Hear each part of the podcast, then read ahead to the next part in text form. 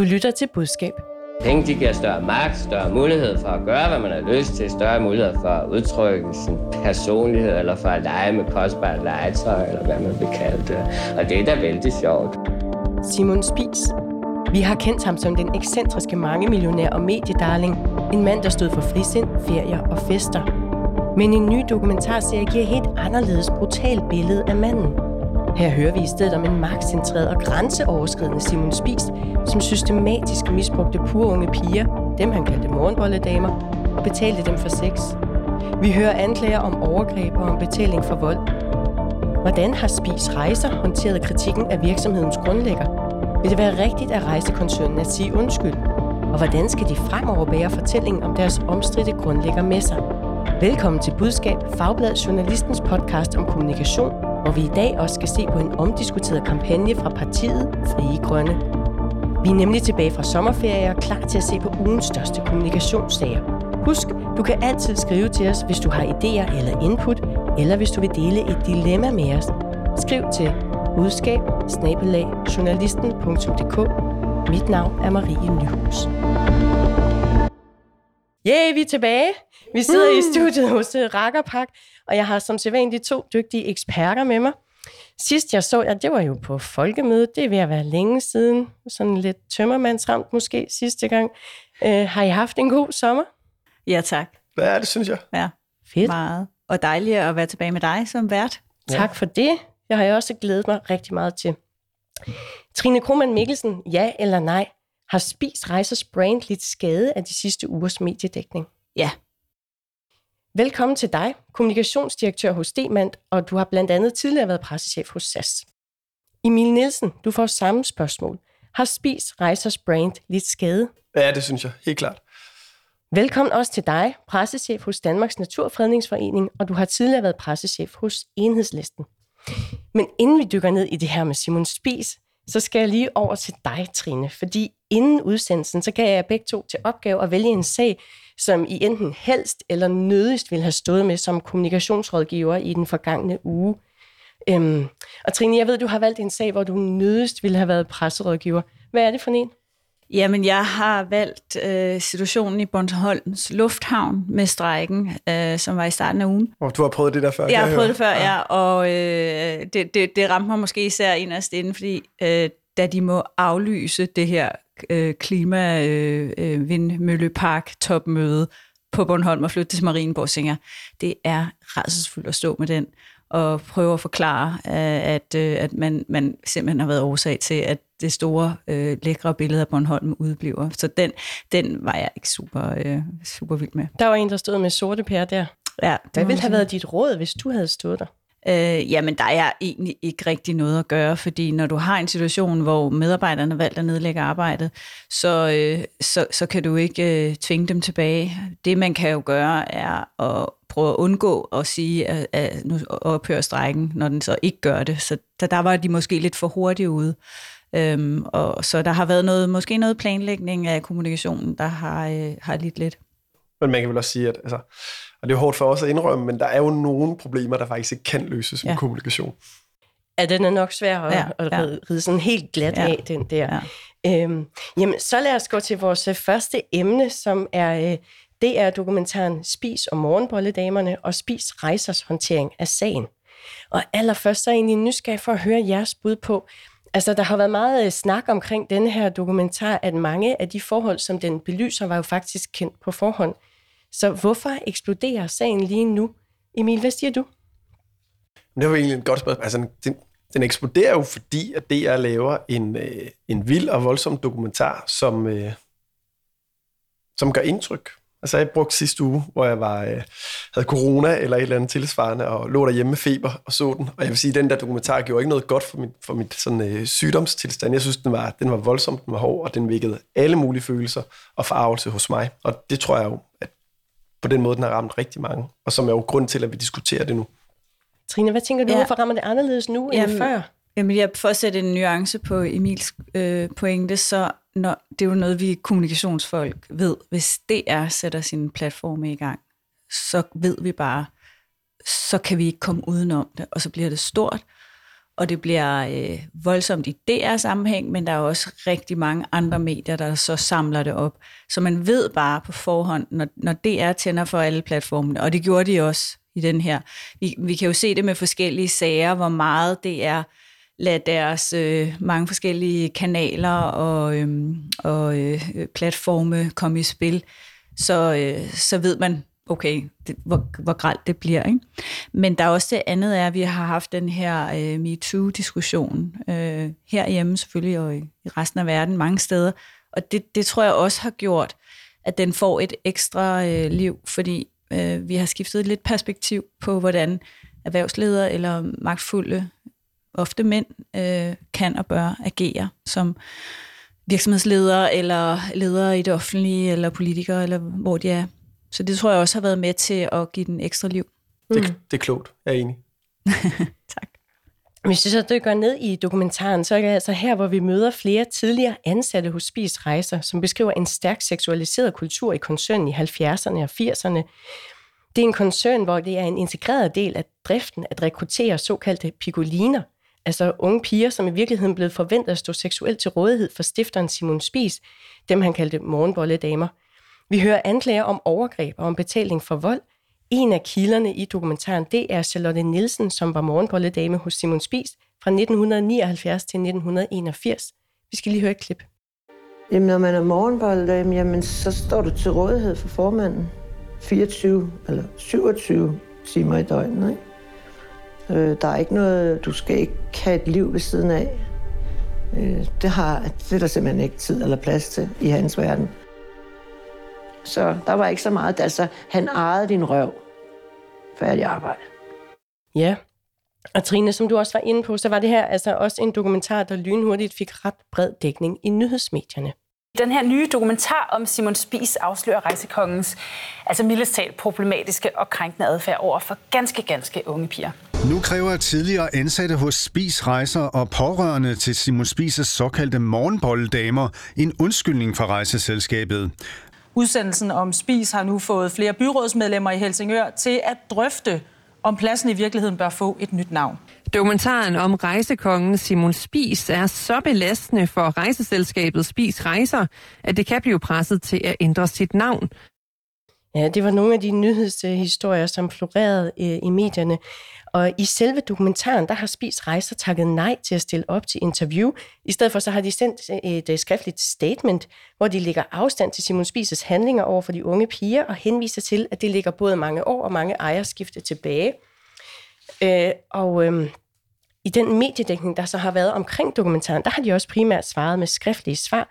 De minder utrolig meget om det svar, som de har sendt til selve dokumentaren. Vi vil selvfølgelig godt have talt med Spis-koncernen øh, om, hvordan de ser på det i dag. Øh, de bruger stadigvæk Simon Spis som en form for, for varemærke. Øh, Spis-koncernen har ikke ønsket at svare på spørgsmål her til morgen. De skriver til os, vi tager skarpt afstand fra den omgang med unge piger, som beskrives i dokumentaren. Det er intet til fælles med Spis Rejsers værdier. Det er 38 år siden Simon Spis døde. Siden da har vi haft fire forskellige ejere og er et helt andet sted i dag i en helt anden tid. Ja, Emil, du sagde til mig, at du er kritisk over for denne her håndtering. Hvad er det, som spisrejser i din optik gør forkert? Men, altså, for mig er det egentlig ret simpelt. Øh, når man overtager et brand, så overtager man jo alt det gode, der ligger i det brand. Man overtager også, øh, hvad kan man sige, den arv og den historie. Og, øh, og det, som Spis gør i deres øh, krisekommunikation her, er, at de, øh, de prøver at, hvad kan man sige, stå på alt det gode, og så øh, vedkender de sig ikke den arv, der ligger i det brand. Øh, og, og det synes jeg er en, øh, en radikal forkert måde at gå ind i den her krise på, og det øh, efterlader i hvert fald et indtryk hos mig om, at de ikke rigtig tager, øh, øh, tager ejerskab til det brand, de har overtaget, og de, øh, de prøver lidt at smyge sig udenom. Og det er jo også det, der bliver forstærket af, at de for eksempel ikke stiller op, de kun sælger skriftlige, øh, skriftlige svar. Så jeg er, øh, altså, jeg er meget kritisk over den måde, som Spiser har håndteret den her krise på. Mm. Det er interessant jo, fordi her sidder jeg corporate ja. uh, night herover. Og Trine, du sagde nemlig ja. til mig, at du synes, at egentlig, de har valgt den rigtige ja. strategi. Hvorfor det? Ja, altså jeg, jeg er jo øh, virkelig øh, øh, enig i den strategi, de har lagt. Der, der kan være nuancer af det, som, øh, hvor man kan undre sig over deres forberedelse eventuelt. Øhm, man kunne have gjort små andre ting, men jeg øh, synes, det er helt rigtigt ikke at tage den krise på sig øh, som virksomhed øh, i det øh, nutidsbillede, de er i, øh, den situation, de øh, står i med deres øh, virksomhed og brand, så synes jeg, det er helt rigtigt ikke at tage ejerskab på den øh, krise. Øh, og det, jeg synes ikke, man kan sige, at man overtager et brand. Øhm, øh, et, øh, brandet er opstået, og, øh, og, og de ejere, der gennem tiden har arbejdet videre med brandet, har sådan set ikke overtaget noget, de har bygget videre på det. Det er ikke kun øh, Spis, Simon Spis, der er grundlæggende for, hvad er det her brand for noget. Det er al den tid, der er gået, alt alle de tiltag, koncernen, som så også har skiftet en del ejer gennem årene, øhm, i deres øh, kan man sige, øhm, tilgang til deres marked, til deres kunder, til deres offentlighed, har, har puttet ned i det brand. Så jeg synes ikke, man kun kan sige, at man har overtaget et brand fra Simon Spies. Man bygger hele tiden brands. Men, men har, har Emil ikke en pointe i, at de har arvet Simon Spies blandt andet jo hans navn? De øh, arver en, en, en rigtig vigtig øh, ja, arv, et, et, øh, et, øh, en historie. Og det er ikke det samme som at have et brand, vil jeg sige. Vi, som i Demand, og det kan vi komme tilbage til, der bygger vi også på en arv, en historie. Og, øh, og den bruger vi øh, selvfølgelig i vores kommunikation. Så, så øh, jeg, jeg synes ikke, at de er en til en arver det, han har grundlagt. De bygger på det, han har grundlagt. Altså, jeg tillader mig at være helt uenig, mm. ja, det kan jeg komme ja, tilbage til. Det, men det er fedt. Men, øh, men, men Trine, jeg er jo også nysgerrig for, at vi har jo her at gøre med en virksomhed, som har bygget en stor del af deres succes på at få øh, stor medieomtale og bruge det, altså omsætte det til at vinde markedsandele. Når det nu også er en del af historien, har de så ikke også en pligt til at stille op, når, når de samme medier kommer med en kritisk historie og bidrage med sådan deres øh, udlægning af, hvordan de ser ind i den arv? Jeg synes ikke, de har en pligt, og jeg synes heller ikke, det er en god idé at gøre det. Øhm, og det kan jo så være meget taktisk strategisk. Øh, man kan sige som øh, øh, borger, som øh, kvinde, som øh, øh, en, der har været i rejsebranchen, så synes jeg da også, det er beskæmmeligt historien, øh, hele alt det, der kommer frem. Og det kunne da være rart, hvis der var nogen, der havde været med dengang, der tog ansvar og sagde, undskyld for det, Øhm, men jeg synes ikke, at, at virksomheden i dag har en pligt til at lade den historie øhm, øh, klæde sig med den og tage det ansvaret for den. Okay. Fordi noget af det, der så også øh, øh, kom i kølvandet på øh, dokumentaren, det var, at der, var, øh, der blev et krav fra flere af de tidligere ansatte og deres pårørende om at få en undskyldning fra spisrejser. Og nu er jeg rigtig glad, fordi vi har faktisk fået en mail fra en lytter lige præcis om det spørgsmål. Øh, han har noteret, hvad han kalder en tendens i samfundet til, at folk kræver en undskyldning. Og så skriver han til os, i ældre sager, der ser man ofte, at kravet om undskyldning bliver rettet mod parter, som ikke har noget at gøre med fortidens synder, det gælder alt lige fra grønlænderbørn til nu også morgenbolledamer. Spiskoncernen har ifølge dokumentaren skiftet ejer flere gange siden grundlæggeren døde, og så fortsætter han. Så hvordan skal de, altså Spis Rejser, håndtere kravet om en undskyldning? Og, og inden vi dykker ned i, hvordan de så øh, øh stiller sig i forhold til kravet om en undskyldning, så er jeg egentlig nysgerrig for at høre, er I enige i, at der er den her tendens i tiden til, at, man skal, at der bliver stillet krav om undskyld for noget, som foregik lang tid tilbage, hvor der var andre mennesker ombord i virksomheder og organisationer, end dem, der så øh, skal stille op og sige undskyld i dag? Altså, jeg synes ikke, jeg har set det for private virksomheders vedkommende. Øh, men øh, jeg kan i hvert fald ikke lige komme på noget. Det kan være, øh, I kan. Men vi har jo set det rigtig meget øh, på øh, vegne af staten, på vegne af noget, som øh, øh, tidligere regeringer, tidligere øh, øh, ja, styrelser og offentlige institutioner har gjort. Så der, der er der bestemt sket noget, ja. Det tror jeg, altså, jeg tror, det er en integreret del af, af en ny samfundsudvikling, hvor man forholder sig meget mere kritisk til sin historie. Øh, og det er selvfølgelig meget, der får, altså, ligger på den politiske arena, men, øh, men, men jeg tror helt klart, at det er en ny tendens, og det er også hvad kan man sige, nok det, det udtryk for, når han, når han formulerer sig, som du gør. Mm. Vores opmærksomme lytter. Fordi så så vi, at uh, direktøren i Spis Rejser, Jan Vendenbo, han stillede op til interview i Jyllandsposten, hvor han lagde afstand til Simon Spises handlinger, og så samtidig så afviste han, at Spis-koncernen kommer til at give kvinderne en undskyldning. Han sagde, at det ville blive, citat, hult, og så citerer jeg videre, vi føler ikke, at Spis Rejser i dag kan undskylde. Jeg ved, at det er blevet populært, at man skal give undskyldninger for noget, som skete mange år tilbage i tiden. Det havde været let at gøre det, men vi synes, at det er meget mere stærkt, at vi tager afstand fra det. Emil, er det et godt svar? Jamen, altså, nej, det synes jeg ikke, det er. Øh, og øh, jeg bliver nødt til at lige, altså, lige starte med den her diskussion om brand. øh, Den lever stadig den, lever, væk. den lever stadigvæk herovre. Ja, altså, øh, det er jo rigtigt, som Trine siger, ja, der har været fire ejerskifter og alt muligt andet, man bygger på og ændrer et brand hele tiden.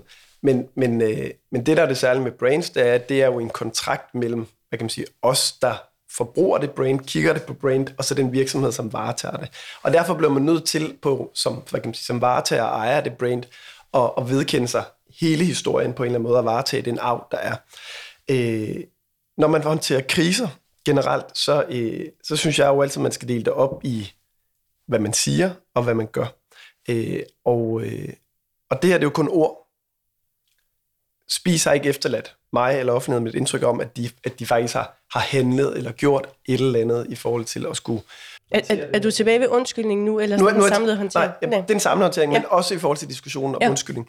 For mig er det ikke afgørende, at de siger undskyld, men for mig er det afgørende, at de som virksomhed efterlader mig med et indtryk om, at de tager det her alvorligt, at de foretager sig et eller andet Jamen, på de den har baggrund. jo ændret på deres kommunikation, kan man sige, som en start. ja, ikke? og det kommer vi Øh, ja. til. Ja, de har ændret noget på Men, hjemmesiden. altså, for mig handler det ikke kun om, altså det er jo igen, det er jo ord og det er kommunikation. Jeg synes, det der er afgørende her, at de på en eller anden måde øh, altså arbejder med den historie, og, og, og der, det kan man jo gøre på alle mulige måder. Men, man kan også vente om at sige, svare, når Jyllandsposten kommer med, med det her krav og bærer det videre fra kvinderne og deres pårørende med en krav om en undskyldning? altså igen, man kan jo ikke løse alt med kommunikation. Øh, jeg savner, at de som virksomhed har sat sig ned og, og reflekteret mere over, hvad er det egentlig for et ansvar, vi kan tage i forhold til den krise og den historie, som vi på en eller anden måde, at, at dem, der har arvet og skal varetage, hvad kan man sige, brandet af historien.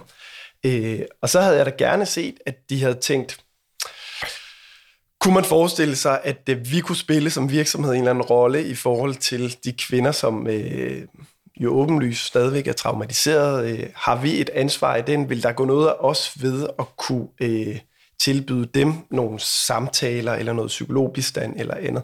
Øh, hvis man skal lave en sammenligning med, øh, selvom det ikke er helt det, helt det samme, men med, med DR, og den måde, de håndterede øh, sagen omkring øh, pigekodet, som jo på mange måder, mange stræk, lidt minder om hinanden alligevel. Det handler om overgreb mod unge kvinder. Øh, og ja, altså, Maria Rørby var der ikke dengang, det skete. Du kan ikke holde hende direkte til ansvar. Der har også været mange ejerskifte, så at sige, eller mange udskiftninger af ledelsen. Men den måde, de håndterede det på i DR, som jo er en radikal anden måde, end den måde, Spiser håndterede det på, det var, at de tog det fulde ansvar på sig. De, tog, de ejede krisen. Og, øh, og den måde, det er kommet ud af det på, min vurdering i hvert fald, det er, at de i hvert fald som ledelse i DR-koncernen er kommet styrket ud af den krise, og efterladt et indtryk af, at det er en, en, en ledelse, som, øh, som agerer øh, ansvarligt og reflekteret med du ved, høj grad af etik og moral og alt muligt andet, som jo er, er noget, der er væsentligt og vigtigt. Og der er jeg bare efterladt med et indtryk af, at Spis ikke har taget det her alvorligt nok. Øh, og det skader da i hvert fald mit indtryk af, hvordan må- den måde, som de som ledelse har ageret. Men hvad skulle de svare, hvis de ikke nødvendigvis skal sige undskyld, men de alligevel, som du siger, skal tage krisen på sig? Hvad vil være den rigtige linje fra dem? Øh, altså igen, det handler om, om hvordan man handler. Øh, og, og hvad kan man sige, det ved jeg jo ikke. Det kunne jo være, at de skulle konsultere nogle øh, krisepsykologer. Eller, altså, altså, det, er jo ikke, det er jo ikke første gang, at der er en, en, en, en virksomhed, eller en styrelse, eller en, et, et, øh, en institution, der står og skal håndtere, at der er nogle mennesker, der bliver forvoldt skade af ens virksomhed. Øh, det kunne jo være i den proces, at de skulle have rådført sig med nogen, eller sagt, nu tager vi også en dialog med øh, nogle af de aktører, som beskæftiger sig med det her, i forhold til, hvilken rolle vi kan spille i forhold til de kvinder. De påtager sig intet ansvar i forhold til, at der er nogle kvinder, som hele Danmark er blevet øh, øh, introduceret for, som sidder tilbage med nogle voldsomme øh, sorg og ar på sjælen, efter det, de har oplevet i spiskoncernen. Og hvis det ikke er spiskoncernen, der på en eller anden måde skal være med til at tilbyde dem en, en, for, en eller anden form for, hvad kan man sige, terapeutisk genrejsning, eller hvad sådan noget hedder, øh, hvem er det så? Øh, og det synes jeg er da godt, at de som virksomhed kunne have gjort det. Om det så skulle være en undskyldning, fair nok, det var ikke dem, der gjorde det. Øh, men de kunne da godt have tilbudt sig på en eller anden måde til at, at, at være med til at løse nogle af de udfordringer, de her Det ved vi jo har. helt dybest set ikke, om de har gjort. Øhm, Ja, det, det ved vi ikke, men, altså men, åbnet, men, men, men hvis de havde, havde det været smart at det er kommunikere en god pointe øh, at kommunikere, at man tager et ansvar øh, hen imod pigerne, og ikke så meget i sin kommunikation omkring sagen, men mere altså, viser noget handling, så er en god pointe. Men, øhm, men når det kommer ned til den der undskyldning, så, så jeg, jeg er egentlig enig i hans argumentation. Altså i Jan Vellenbo? Ja, Ja. og hans pointe. Men nogle gange kan man så også tænke, havde det været smartere bare altså, at give den undskyldning? Fordi der går ikke rigtig noget af spis for at give en undskyldning. Og øh, hvis det er det, de gerne vil have, altså, så, så kunne man måske godt bevæge sig derhen. Så i stedet for nødvendigvis at sådan argumentere for det hult, og, altså du ved jo ikke nødvendigvis, hvordan en modtager øh, tager imod din undskyldning, så, så, så der, der kunne de måske også øh, sådan lidt smart have tænkt, der går ikke noget af os for at give en undskyldning, når det endelig skal være. Øh, med hensyn til brandet, så, så, så, øh, så snakkede vi om i starten, har det taget skade. Jeg tror, det har taget skade, men jeg vil våge at påstå, at det er ret kortvarigt, og at de er ret hurtigt genoprettet, og jeg tror, at befolkningen, ikke mindst deres kunder, skældner mellem øh, det spis, der var dengang, og det spis, der er i dag. Og jeg tror ikke, de øh, en til en øh, siger, øh, altså lad, lad deres øh, forarvelse smitte af øh, på brandet, når de skal sidde og bestemme sig for, om de skal ud og rejse. Ja, så i hvert fald så kom Ritzau med en ny voksmetermåling denne her uge, som viste, at 73 procent af danskerne er uenige i, at Spis bør undskylde på vegne af Simon Spis, altså at Spis Mm. Rejser bør undskylde. Og øh, de havde også spurgt øh, i forhold til, om danskerne mener, at Spis bør skifte navn. Og det er tre ud af fire uenige i. Så man kan sige, der er i hvert fald et flertal, der står på den side, at de ikke bør sige undskyld, og at de sagtens kan holde fast i navnet. Emil, er du enig i, at brandet kun har lidt kortvarigt skade, ligesom Trine hun siger? Altså det tror jeg måske er for, for tidligt at vurdere. Det kan vi jo ikke, altså det kan vi jo ikke vide. Man kan sige, at det, det kommer jo også an på, hvad, hvad sker der? Altså kommer der nye historier frem? Kommer, der, øh, kommer man hen et sted, hvor man kan påvise en eller anden form for diskrepans mellem øh, de der rituelle besværgelser om, at vi er en anden virksomhed? Hvis der så kommer en sag frem, så er det jo klart, at så står ledelsen og brandet med øh, et, et grundlæggende troværdighedsproblem. Øh, men altså, hvis man isoleret kigger på det nu, ja, så tror jeg da sagtens, at man kan komme, komme videre. Øh, og der er jo, altså, tænker jeg, Trine er, er jo mere på den corporate del af, øh, af feltet her, og, og det, Jamen, Jamen, det altså, kan vi det, vi koge skal ned til ja. bundlinjen dybest set. Ikke? Altså, Jo, er sælger de samme antal rejser, som de plejer at gøre, og det tror jeg sikkert Ja. Godt, de kan. Så alt det, du siger, det er ideologi.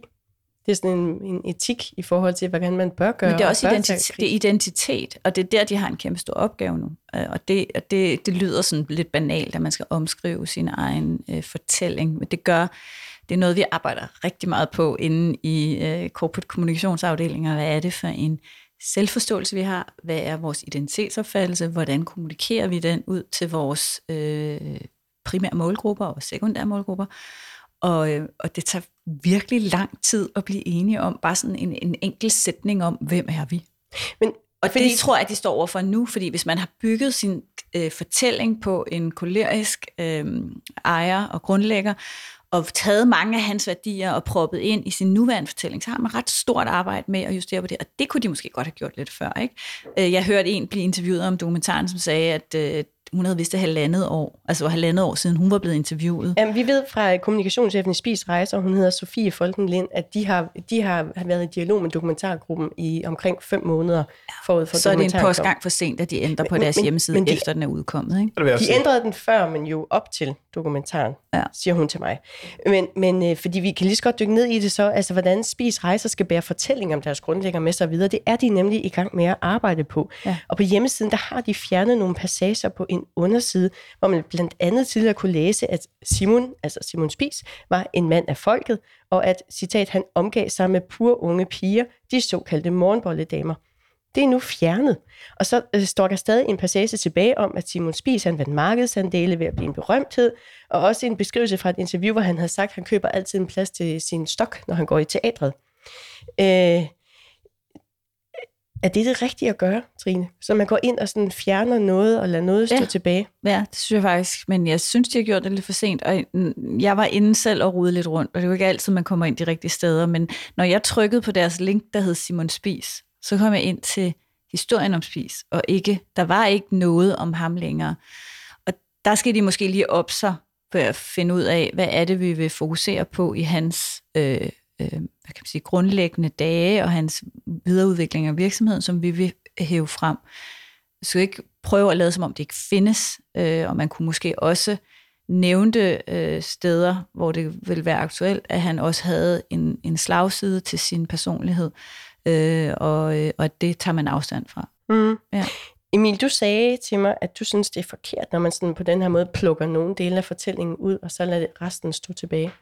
Altså, det er, ikke, det, det er ikke, fordi jeg har den holdning, at de skal markedsføre sig på uh, Simon Spises mm. overgreb. Så tror jeg, det var en dårlig idé. Uh, jeg har det jo mest bare sådan, at jeg synes, at, det, at de bliver nødt til at tage ejerskab over den historie, der er på godt og på ondt. Mm. Uh, og, og der er det den forkerte vej at begynde at redigere i virkeligheden, eller skrive Simon Spis ud. Uh, virkeligheden er også, og det kan man sige, det er også det, der på en eller anden måde kommer til udtryk i en voksmetermåling, og når man snakker med, hvad kan man sige, den ældre generation, der er jo også, hvad kan man sige, øh, der er jo også holdningsforskelle i forhold til, hvor, hvad er graden af overgreb, Simon Spies reelt gjorde, øh, hvad er de unge kvinders eget ansvar, og hvad er hans ansvar osv. Og der, der er vi jo i en, har vi en befolkning, der er enormt delt. Det er noget størstedelen af befolkningen over 50, de husker jo Simon Spies stadigvæk for noget godt. Øh, så jeg tror egentlig bare, at de skal tage ejerskab over den historie, der er på, på, på godt og ondt, og så stadigvæk også tillade sig selv, og det er jo det, de kan, hvis de tager ejerskabet over det dårlige, og holde fast i det gode ved den vision, som Simon Spies havde. Altså, han demokratiserede måden at rejse på, gav folk igennem 70'erne og 80'erne mulighed for at komme ud og opleve verden, som man ikke har gjort før. Og det tror jeg, der har været enormt definerende for en ældre generation, at, at det ligesom har været Simon Spies, der åbnede verden for dem. Øh, og, og det tror jeg som sådan ikke er noget, der ligesom forsvinder på grund af den her sag. Øh, men de kan bare ikke, hvad kan man sige, eje den historie, uden de også påtager sig ansvaret for den anden.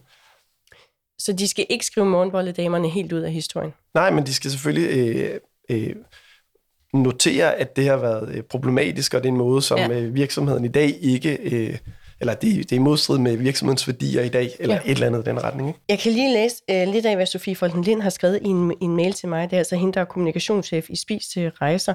Hun skriver, at det er ikke for at slette den del fra historien, at de har fjernet de her passager, de nu har fjernet fra hjemmesiden, men for at sikre, at vi ikke har indhold liggende, der kan virke forhærligende i relation til de sider af Simon Spises liv, eller støde de medvirkende i dokumentaren, som vi har stor sympati for.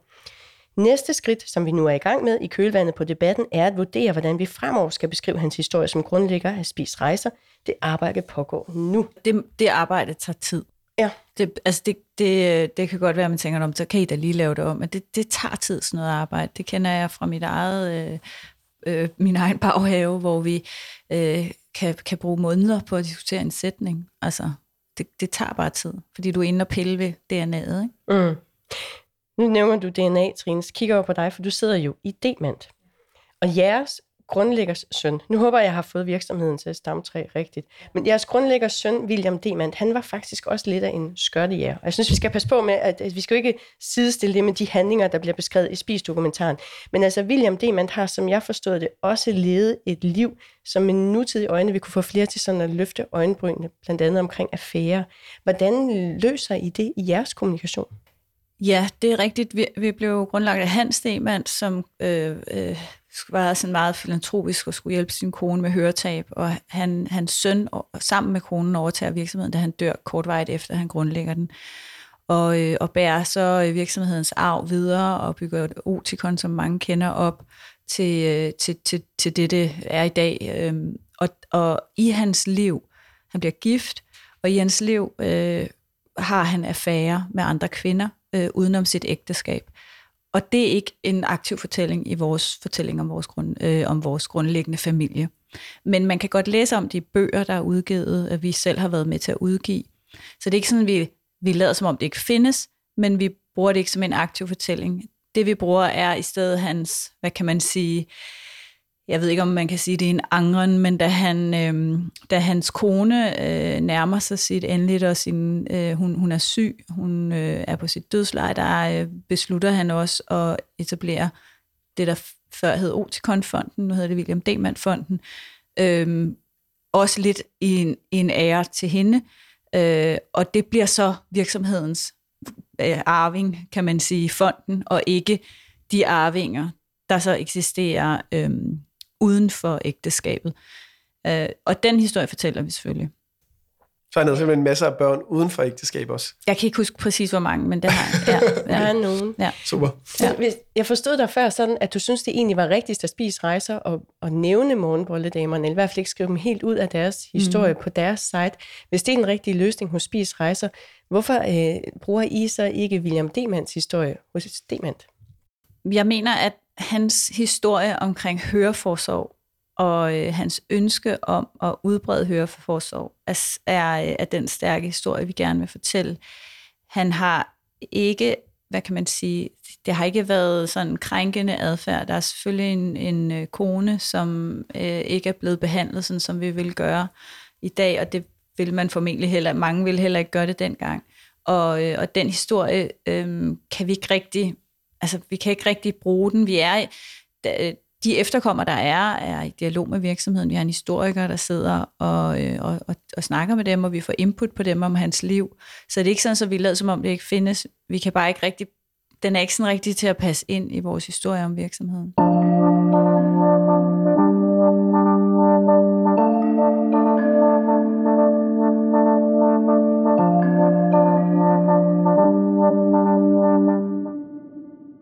Skal lige sige, at du lytter til Budskab Fagbladet, journalistens podcast om kommunikation, og vil gerne minde alle jer lytter om, at I altid kan skrive til os med input og idéer. Også hvis du har et dilemma i dit kommunikationsjob, du gerne vil have eksperterne til at kigge på, det kan vi rigtig godt lide, så kan du skrive til budskab Og inden vi skal videre til emne 2, så skal jeg jo lige over til dig, Emil, for du har jo også valgt en sag, hvor du nødigst ville have stået som presserådgiver i den forgangne uge. Hvad er det for en sag, du har kigget på? Ja, øh, altså den forgangne uge er der jo kommet det her magtværk af en, af en øh, tørklædekommission. Og, øh, og jeg vil... Øh, Det er den, der hedder Kommission for den glemte kvindekamp. Ja, lige præcis. Ja. Øh, og jeg vil sige, ligesom øh, Trine har jeg jo også valgt en sag, som måske ikke er den allerstørste, men er øh, noget, jeg meget du ved, tæt kan relatere til, fordi jeg selv har stået i lignende situationer rigtig mange gange i den periode, jeg arbejdede på Christiansborg. Men jeg er rigtig glad for, at jeg ikke er øh, SF's øh, i øvrigt meget dygtige pressechef i denne uge, skulle håndtere et... Øh, øh, at have en integrationsordfører, som øh, samtidig har været med i den her kommission og været ude og advokere øh, meget kraftigt for et øh, tørklædeforbud, imens hun som integrationsordfører i SF har måttet gå ud og tage afstand fra selv samme forslag. Øh, og det er jo bare så øh, altså, tosset og uelegant og øh, tokrummende, og, øh, og det er sindssygt svært som pressechef at skulle på en eller anden Kan måde få fortælle viklet mig- SF ud af det der. Hvorfor får, altså det er jo bare en kommission, hvorfor får det der ikke, altså hvorfor gider vi snakke så meget om Jamen, det? det ved jeg jo ikke. Men det er altså, Men, men øh, jeg er nysgerrig på, hvordan synes du, de løste det i SF? Øh, altså, det ved jeg jo af gode grunde ikke. Øh, man kan sige, øh, det ender i hvert fald med, at, øh, at integrationsordføreren, som jo den ene dag er ude og tale for øh, tørklædeforbud, jo så øh, dagen efter må gå ud og, øh, og modsige sig selv øh, som integrationsordfører. Og, og det ved jeg sgu ikke om særlig elegant. Det kunne jo være, at man skulle have øh, du ved, overladet ordførerskabet til en anden, øh, sådan så at man ikke skulle stå der og tage afstand fra sig selv. Det, øh, det gør aldrig noget godt for ens kommunikation. Øh, og hvorfor vi diskuterer det? Altså, sådan er det jo med, med altså, tørklæder og spørgsmål, som er, øh, har den her grad af symbolik. Og hvad kan man sige, diskussion om tørklæder har jo været en, en dagsorden, som on-off har fyldt i den offentlige debat i Danmark de sidste 20 år, øh, og, øh, og er en diskussion, som er svær, særligt for, altså, særligt for et parti, for SF, fordi man jo både på den ene side gerne vil være sådan lidt tough på, øh, øh, hvad kan man sige, på mørkemænd og på øh, øh, at håndtere nogle af de der, hvad kan man sige, udfordringer, der er, særligt for kvinderne, øh, imens at man jo bare har et bagland øh, og nogle vælgere, som der øh, øh, hylder mere den personlige frihed, og ikke mener, at det er noget, politikerne skal blande sig i, hvordan man skal gå klædt. Ikke? Øh, og, og det er jo der, at øh, hvad kan man sige, Hal- Halimi, som er integrationsordfører, hun placerer SF lige midt i den diskussion på en, øh, altså, som i hvert fald ikke er i SF's interesse, og jeg ved ikke, altså, det kan godt være, at det er i Socialdemokratiets interesse, men altså, hun gør ikke noget godt for sit parti i, i det øjeblik.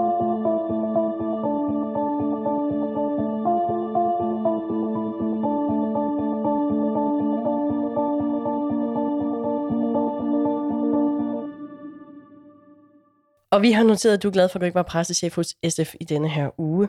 Og så går vi videre til næste emne, som faktisk også er et emne i politik. Vi kan ikke gå på kompromis med kloden og naturen. Og derfor kan vi heller ikke gå på kompromis med status quo-politikerne og deres anti-klimaaktivistvenner i det private erhvervsliv. Ja, det var den politiske leder for partiet Fri Grønne, Sikander Siddiq, som vi hørte her. Og det er et klip fra et pressemøde, som partiet holdt tirsdag, hvor de præsenterede deres nye klimaudspil. Og forud for det pressemøde, der havde de søsat en digital kampagne på Facebook og Twitter, hvor de i fire forskellige film hænger en stribe af landets højst placerede erhvervsfolk ud, som det de kalder de aller værste danske antiklimaaktivister. Hver af de 19 personer, som er med i Fri Grønnes kampagne, bliver præsenteret med navn, billede og titel, og så en kritik af, hvorfor de ifølge Fri Grønne er kulsorte, når det kommer til klima. Øh, der var for eksempel et Facebook-opslag tirsdag, hvor partiet skrev, Antiklimaaktivisterne bevæger sig i den absolute top af den danske magtpyramide. I dag afslører vi, hvem der er lobbyorganisationen Dansk Indu- hvem der hos lobbyorganisationen Dansk Industri er de aller værste. Og så postede de altså en video, øh, hvor de øh, hængte nogle af Dansk Industris topfigurer ud. Og udover Dansk Industri, så har de også udset sig kampagneprofiler fra f.eks. Pension Danmark, Danske Bank og Landbrug og Fødevare. Trine, hvad var din første tanke, da du så kampagnen? Øh, wow, tænkte jeg. Øh, også øh, meget i lyset af, nu arbejder jeg inden for sundhed og ikke inden for øh, landbrug eller klima øh, og dagsorden energi. Men det kunne jeg måske teoretisk have gøre. Jeg kunne også, SAS bliver også hængt ud. Ikke? Altså, det kunne have været mig, en af de der, eller det kunne have været en af mine direktører. Øhm, så det er klart, øh, som sådan personligt, øh, synes jeg, det var voldsomt. Øhm, så det var min første reaktion på den. Mm. Emil, hvad er det for nogle greb, du ser, de bruger i kampagnen? Jeg synes, altså, man skal jo nok dele den her, når man, når man snakker om kampagnen, skal man nok dele det op i, øh, øh, hvad kan man sige, en diskussion om etik og kampagneetik, og så en diskussion om, hvad der virker, og, og, og hvordan de forløser ja. øh, den kampagne. Øh, hvis man holder det på det sidste, altså virker det her, jamen, altså, så er det jo som sådan et, et helt klassisk øh, greb, som baserer sig på, hvad kan man sige, provokation øh, og på at mene noget, der er så radikalt, at det muliggør, at man kan brænde igennem. Øh, kampagnemæssigt er den jo ikke godt forløst. Altså, den skaber ikke interaktion, den skaber ikke øh, engagement, den giver ikke kliks. Øh, eller Altså like. ifølge pressechefen, så har de fået 300.000, øh, øhm, hvad hedder det nu, øh, eksponeringer med øh, kampagnen, så han er ret godt tilfreds. Givetvis. Ja. Da jeg var inde og kigge på den, der var det altså virkelig få øh, likes, retweets eller øh, delinger på Facebook osv.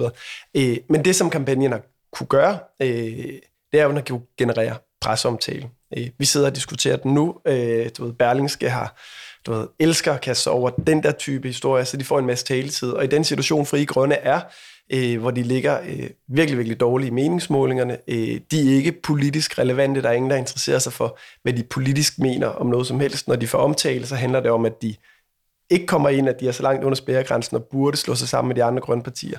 Så de er jo i hvert fald lykkedes med at, øh, at, at, at bryde igennem lydmuren og på en eller anden måde være omdrejningspunktet for en politisk samtale. Og det er selvfølgelig en mere attraktiv position, når man kæmper for at, at komme i Folketinget næste gang, frem for bare at dø i glemslen.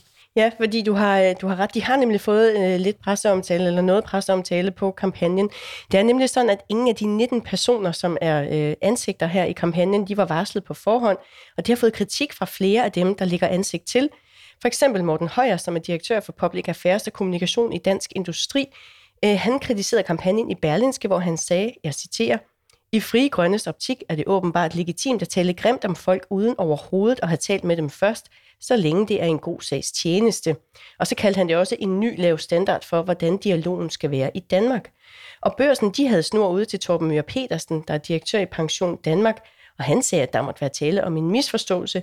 Jeg citerer, de fleste vil nok nævne os som det pensionsselskab i Danmark, måske endda i Europa, der er længst fremme, hvad angår udvikling af modeller for investeringer i grønne løsninger. Og som jeg sagde, vi har talt med øh, Frie Grønnes pressechef Bjarke Charlie, og jeg har spurgt ham om, hvad det er, de vil opnå med kampagnen. Vi vil jo gerne prøve at gøre opmærksom på noget af det, som vi mener er den største hurdle for, at vi kommer i gang med at bekæmpe klimaforandringer. Og der mener vi, at de her mennesker fra erhvervslivet har en stor del af det, fordi de har en, et stort impact øh, i den offentlige debat, og dermed sætter nogle dagsordner, som er med til at begrænse, at vi gør de rigtige ting. Har I så opnået det? Ja, det vil tiden jo vise. Altså, det er jo nok lidt tidligt at, at, at tage temperaturen på, om vi har opnået det.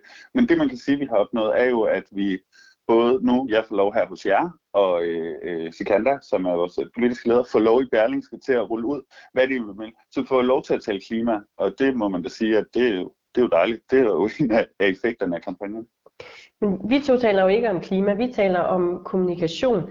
Hvis du skal evaluere de første sådan halvanden uge her med jeres kampagne, har I så mest skabt debat om klimaet, eller har I skabt debat om jeres egen kampagne?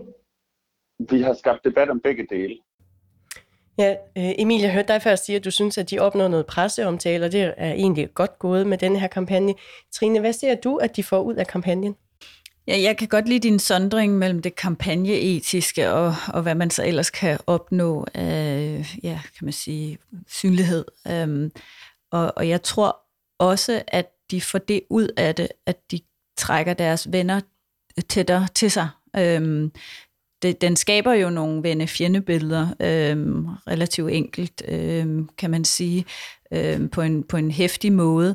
Og, og, og jeg, jeg tror, man skubber sin... Øh, øh, hvad kan man sige, ikke nødvendigvis fjender, men man skubber dem, man er uenig med, med længere væk med kampagnen, men jeg tror, de trækker øh, øh, folk, der er enige med dem, tættere på og, og bekræfter i, at der er at vi står i en vanskelig situation med klimaet, og vi bliver nødt til at se noget aktivistisk handling.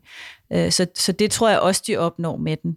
Øhm, jeg er ikke sådan øh, personligt vild med, at vores øh, politiske kommunikation bevæger sig i den retning, men jeg kan godt se, hvorfor de gør det, og jeg kan også godt se, at der er en voksende undergrund, og især selvfølgelig også blandt unge klimaaktivister, som er træt af at se øh, erhvervslivet, og det inkluderer sådan en virksomhed, jeg er ansat i også, ikke øh, skride hurtigt nok til handling. Øhm, og øh, altså, i den magtposition, store virksomheder er i, og, og store virksomhedsorganisationer, godt kan gøre mere.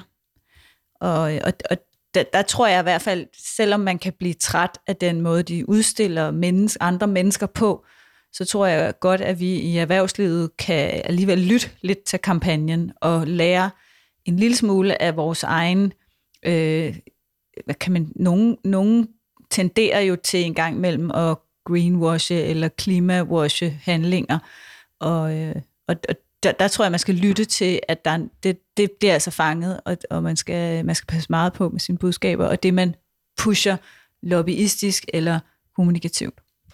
Emil, jeg sidder og tænker på, at det her egentlig så meget mere groft, end noget, I kunne have lavet i enhedslisten, dengang du var pressechef der. I brugte jo også provokation nogle gange. Ja, ja. Jamen, altså... Øhm... Jamen, det er et godt spørgsmål. Øh... Nej, altså... Ja, det er klart, at lige nu skaber noget farvelse og alt muligt andet. Altså, kamp... altså, som kampagnegreb er der jo ikke... Øh... Altså, er det jo ikke en, en, en revolutionerende måde at bedrive kampagne på. Den er jo helt klassisk. Altså, hvis man skal være helt ærlig, så er der jo intet forskel på Fri Grønnes kampagne og så øh, daværende 24-7's kampagne mod Martin Rossen, da han var stabschef i, øh, i statsministeriet, eller Ekstrabladet, som prøver at afde Barbara Bertelsen med at sende flyver rundt om Christiansborg.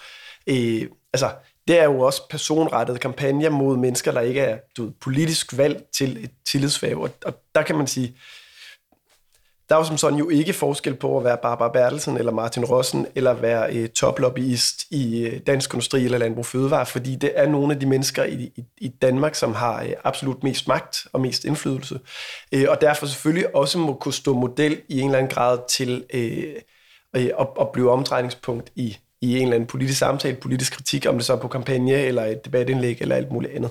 Så, så jeg synes jo ikke, at det er en, en voldsom ny måde at bedrive kampagne på.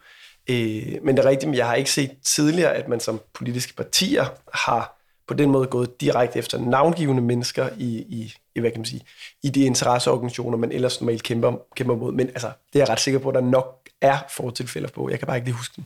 Hmm. Jeg svarede ikke på de spørgsmål, tror jeg. Nej, fordi du gav nogle eksempler fra enhedslisten, men det er også godt, tror... måde, godt gået at smyge sig udenom men, det, jo, men, altså, men kampagnegrebsmæssigt, ja, så har jeg da øh, brugt de, altså, fuldstændig de samme øh, greb, øh, Tidligere brugte vi meget tid på at diskutere øh, politikernes pensionsordninger øh, i et eller andet kryds med, øh, at politikerne på Christiansborg vil øh, skære i danskernes pensionsalder, imens at de selv kunne gå på pension som 60-årige og, og hive ministerpension osv.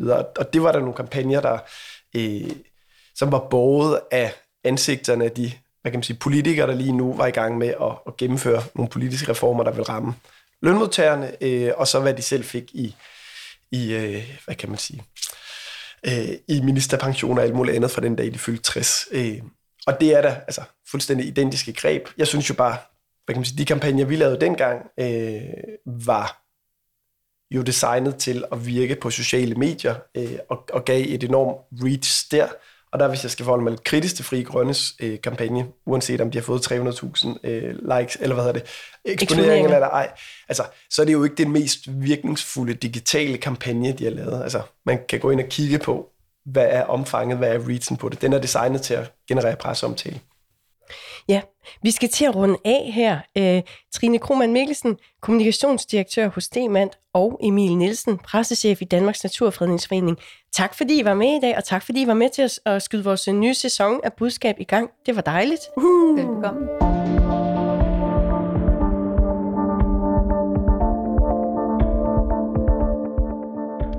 Du lyttede til Budskab, som er en podcast skabt af Fagbladet Journalisten. Udsendelsen i dag er tilrettelagt af Sandra Korsgaard og mig. Mit navn er Marie Nyhus, og jeg er redaktør og vært på Budskab. Rakkerpark Productions står for lyd og teknik. Du hørte et klip fra DR, TV2 News, P1 og Radio 4. Husk, at du altid kan skrive til os, hvis du har input eller idéer.